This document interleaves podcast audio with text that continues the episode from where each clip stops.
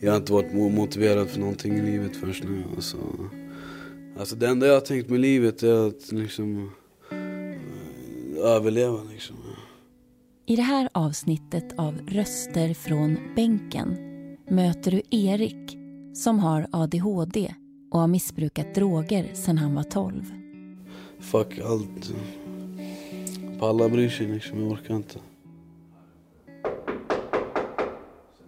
Just nu är drygt 40 ungdomar dömda till sluten ungdomsvård. 16-åriga Erik är en av dem. Vi kom på en tro på att en kraft större än vår egen kunde återge oss vårt förstånd. Alltså tillbaks. Det är så uppgifter man har. Så här, man gör Här på Statens institutionsstyrelses särskilda ungdomshem genomgår Erik ett program i 12 steg för att bryta sitt kriminella beteende och drogmissbruk. Så här har han poetgrej också. Här också. Man hade skriva lite poeter. Jag vet inte. Ja. Ibland får jag få för mig idéerna. Ibland. Blomman är först inte ens påtänkt vid den tiden då den ligger under jorden. Inte just den blomman. Den kommer få gå igenom tuffa och hårda tider, men speciellt inte förrän blomman blommat helt. Blomman har börjat utveckla sig och fått blad, men en dag händer något han inte kunnat tänka sig.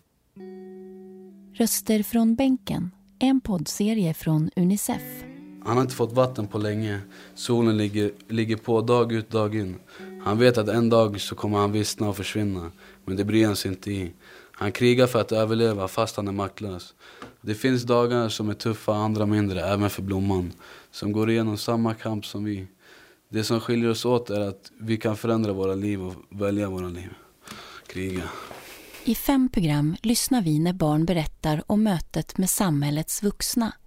Det här är 16-åriga Eriks egna ord. Vem är Blomman? Blomman det är personen. Alltså. Vem är personen? Det är jag.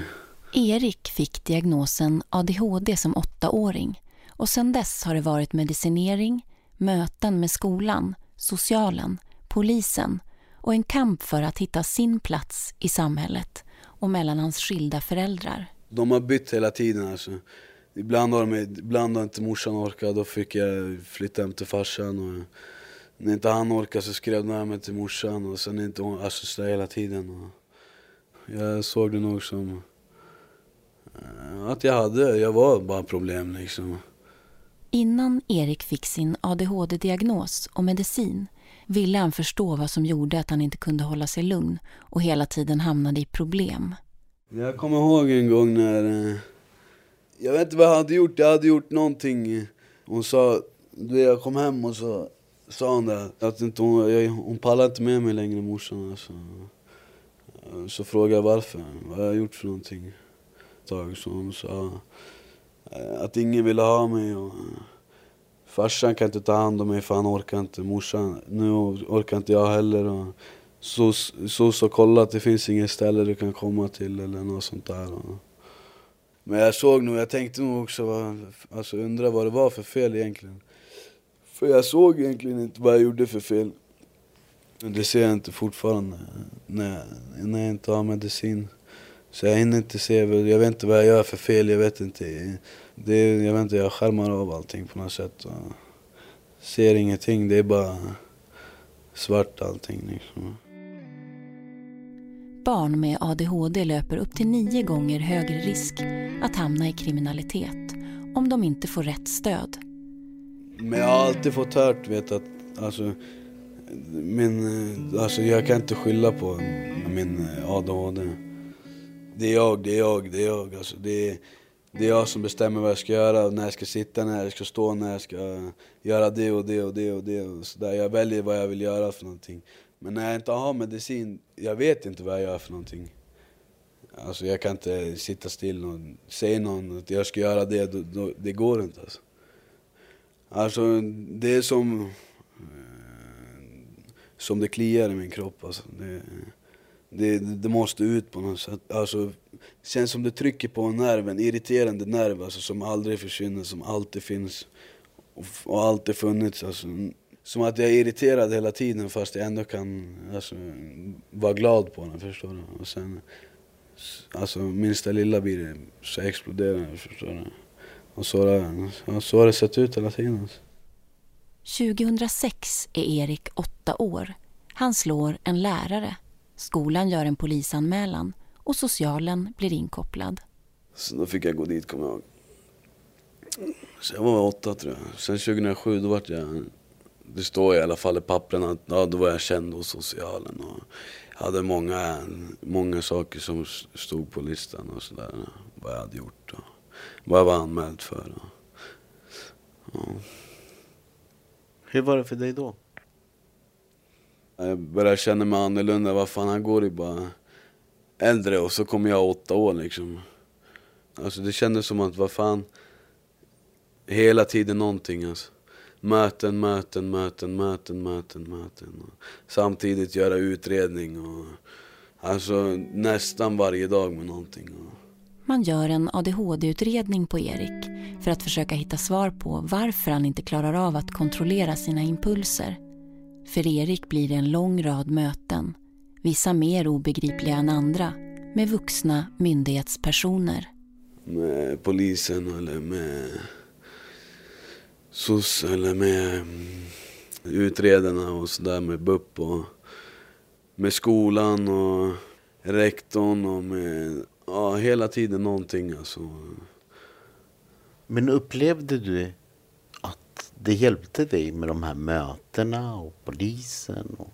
Vet du det, min nav till exempel när jag sitter och gör massa jävla papper och om jag ska gå om skolan och om jag ska eller om utredningen och jag åker och träffar läkare om utredningen. Och oftast vart jag kastade sönder, alltså gjorde sönder papperna och fick om det. Eller gick ut därifrån och sparkade sönder någonting. Eller sprang därifrån och skrek. Eller där tänkte jag, jag tänkte nog bara fan fuck det här alltså. Det vart bara värre alltså. Det vart svart alltså. Jag avskärmade allting för jag orkade inte mer att tänka på det där. Jag ville bara softa, vara som alla andra liksom. Fan inte behöva åka på möte istället för att ja, träffa myndigheter istället för att vara med kompisar och hitta på roliga grejer. Åka bada eller cykla eller bygga kojor eller vad fan. Ja, sådär. Han eh, tänker inte alls, han gör vad han vill. Han tänker inte alls speciellt när det slår slint. Han tänker inte alls bara impulsivt. Han tänker inte alls lever destruktivt. Ja, det är en person som mig. Lever man som mig kan livet falla. Att leva som mig är inte bra, men det vet vi alla. Det vet vi alla. Det vet vi alla. Ute i friheten då lever han rövare Bär på mycket sorg, görs knarket dövare Han som aldrig följer någon lag Han som torskar om något våld av något slag Han som torskar vid ett tillslag Eller för några rader narkotikainnehav han som sitter i en TBT på väg till nästa intag den personen jag pratar om är en person som jag En sån som mig En sån som jag En sån som mig En sån som jag En sån som mig Hej! Den där! Vad är den då? Det är min, den är egna En av dem. Alla kommer på känsla impuls. Det bara kommer, helt plötsligt bara flödar.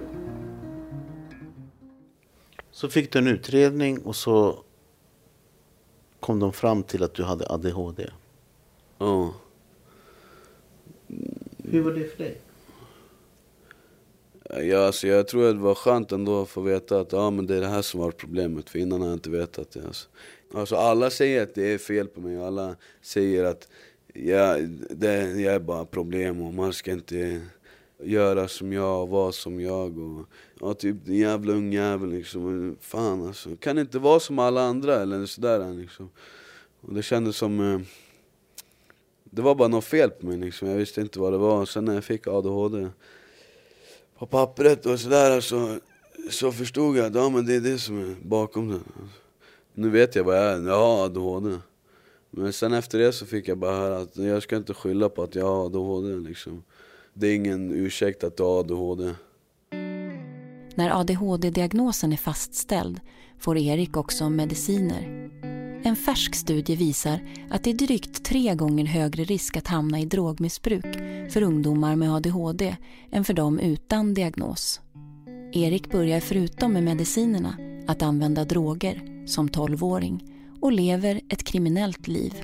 Cannabis, spice, eh, ecstasy, eh, svamp, eh, chack, metamfetamin, lyrika, tramadol. Alla möjliga, alltså. allt du kan tänka dig. Alltså. Är det inte det ena eller det andra liksom? Så har det sett ut hela tiden, alltså, sen jag var 12 år.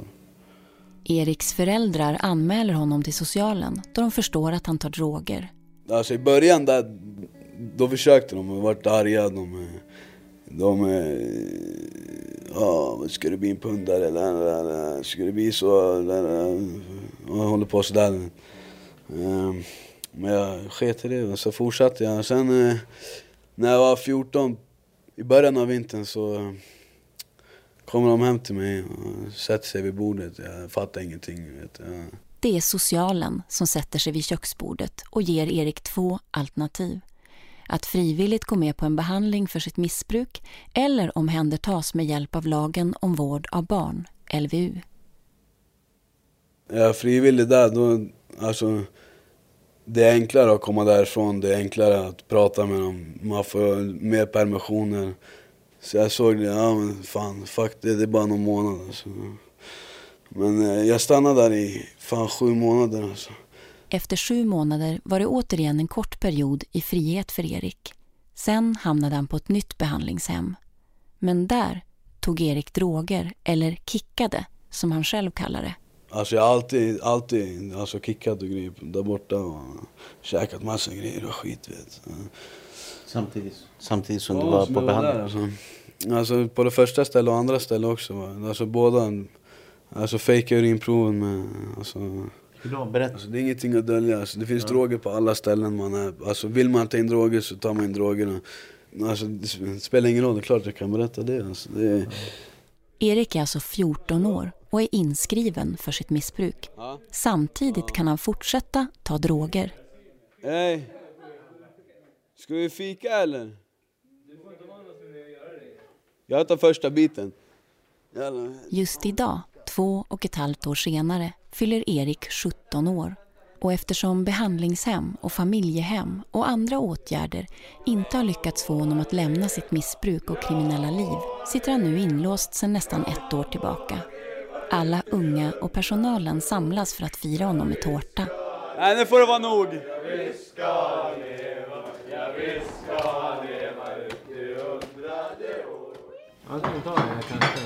Det är första biten bara, jag svär.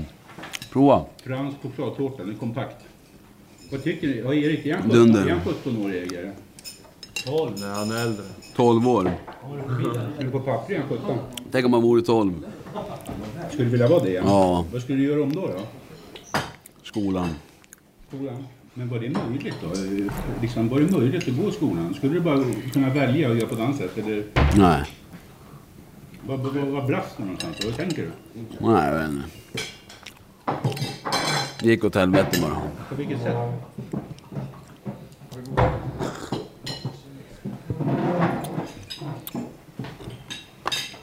Jag vet inte. När jag var i skolan så, vad heter det, hade jag eget klassrum med en assistent. Så helt plötsligt, det har alltid, det har alltid varit sådär när jag har haft assistenter, de försvinner bara. Och sen, eh, alltså jag kommer bara dit en dag så är de borta. Har de slutat jobba, de har inte sagt någonting du vet. Så eh, där kände jag att fan, jag skiter i det här alltså. Jag pallar inte. Pratade med SOS om det där och då fixade de en vaktmästare, fett schysst där, Kent heter han. Eh, jag diggade han som fan alltså.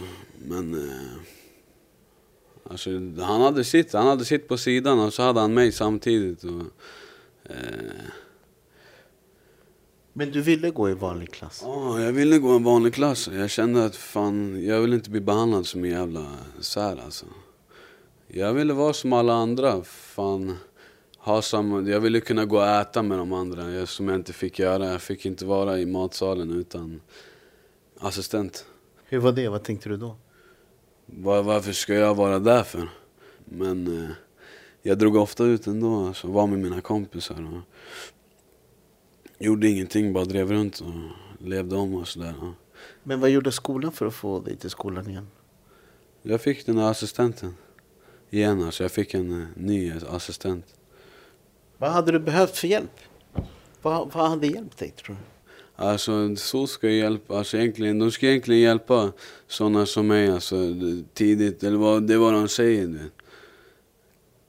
Eh, Jag drogs till eh, de som var som mig, utan- för jag kände att jag är inte som alla andra barn, så där, redan tidigt alltså. Jag varit behandlad eh, dåligt på, på dagis också, det är väl också det som gjorde att jag skärmar av och Hur då? På vilket sätt var du behandlad dåligt på dagis? Nej men alltså du vet, jag, jag, var, vet, jag rymde därifrån och sprang därifrån mina vänner och dagisfröknarna tog stenhårt mina händer och slet mig och in i rum och slet tag i mig, lyfte upp mig och håller på sådär du vet. Du vet, var allt som slet mig, ner mig på en stol eller slet upp mig, alltså tog hårda grepp du vet. Jag, jag vet inte, där skärmar jag väl av att vart, fick ett hat mot så de som försöker bestämma och sådär. Mot dem som är vuxna eller? Allmänt folk som försöker, eller säger till mig vad jag ska göra eller, eller eh, tar tag i mig eller du ska göra det. Jag tål inte det där alltså. Jag har aldrig känt mig fri alltså. Det, jag har alltid känt mig annorlunda. Alltså jag har alltid gjort fel. Men jag ser inte att jag har gjort fel. Sitter inlåst och eh, alltid alltså, haft assistenter och det vet alltså. Okej, det, det är en frihet att vara ute sådär men alltså innerst inne, jag har aldrig, min, alltså, jag har aldrig fått vara fri, fri, förstår du? Så jag har aldrig fått vara liksom ett barn. Jag har aldrig kanske ens velat vara ett barn liksom. För jag passar inte in där alltså. Passar inte in hos eh, mina klasskamrater som eh, vara normala barn eller vad man ska säga. Och passa inte in i vad samhället tycker är barn och så. Så jag, jag har väl aldrig fått vara barn. Alltså. Jag har väl varit... Fått blivit den jag blivit liksom. Den här kan du, den här vet du vilken det är. Du har hört Erik som diagnostiserades med ADHD som åttaåring. Sedan dess har han haft mycket kontakt med myndigheter utan att de har kunnat hjälpa honom att bryta hans kriminella liv och drogmissbruk. She can smile when it seems to me reminisce with a childhood memory where Det här var Röster från bänken, avsnitt 4 av 5. Mer info hittar du på unicef.se. Whoa, whoa, sweet child of mine.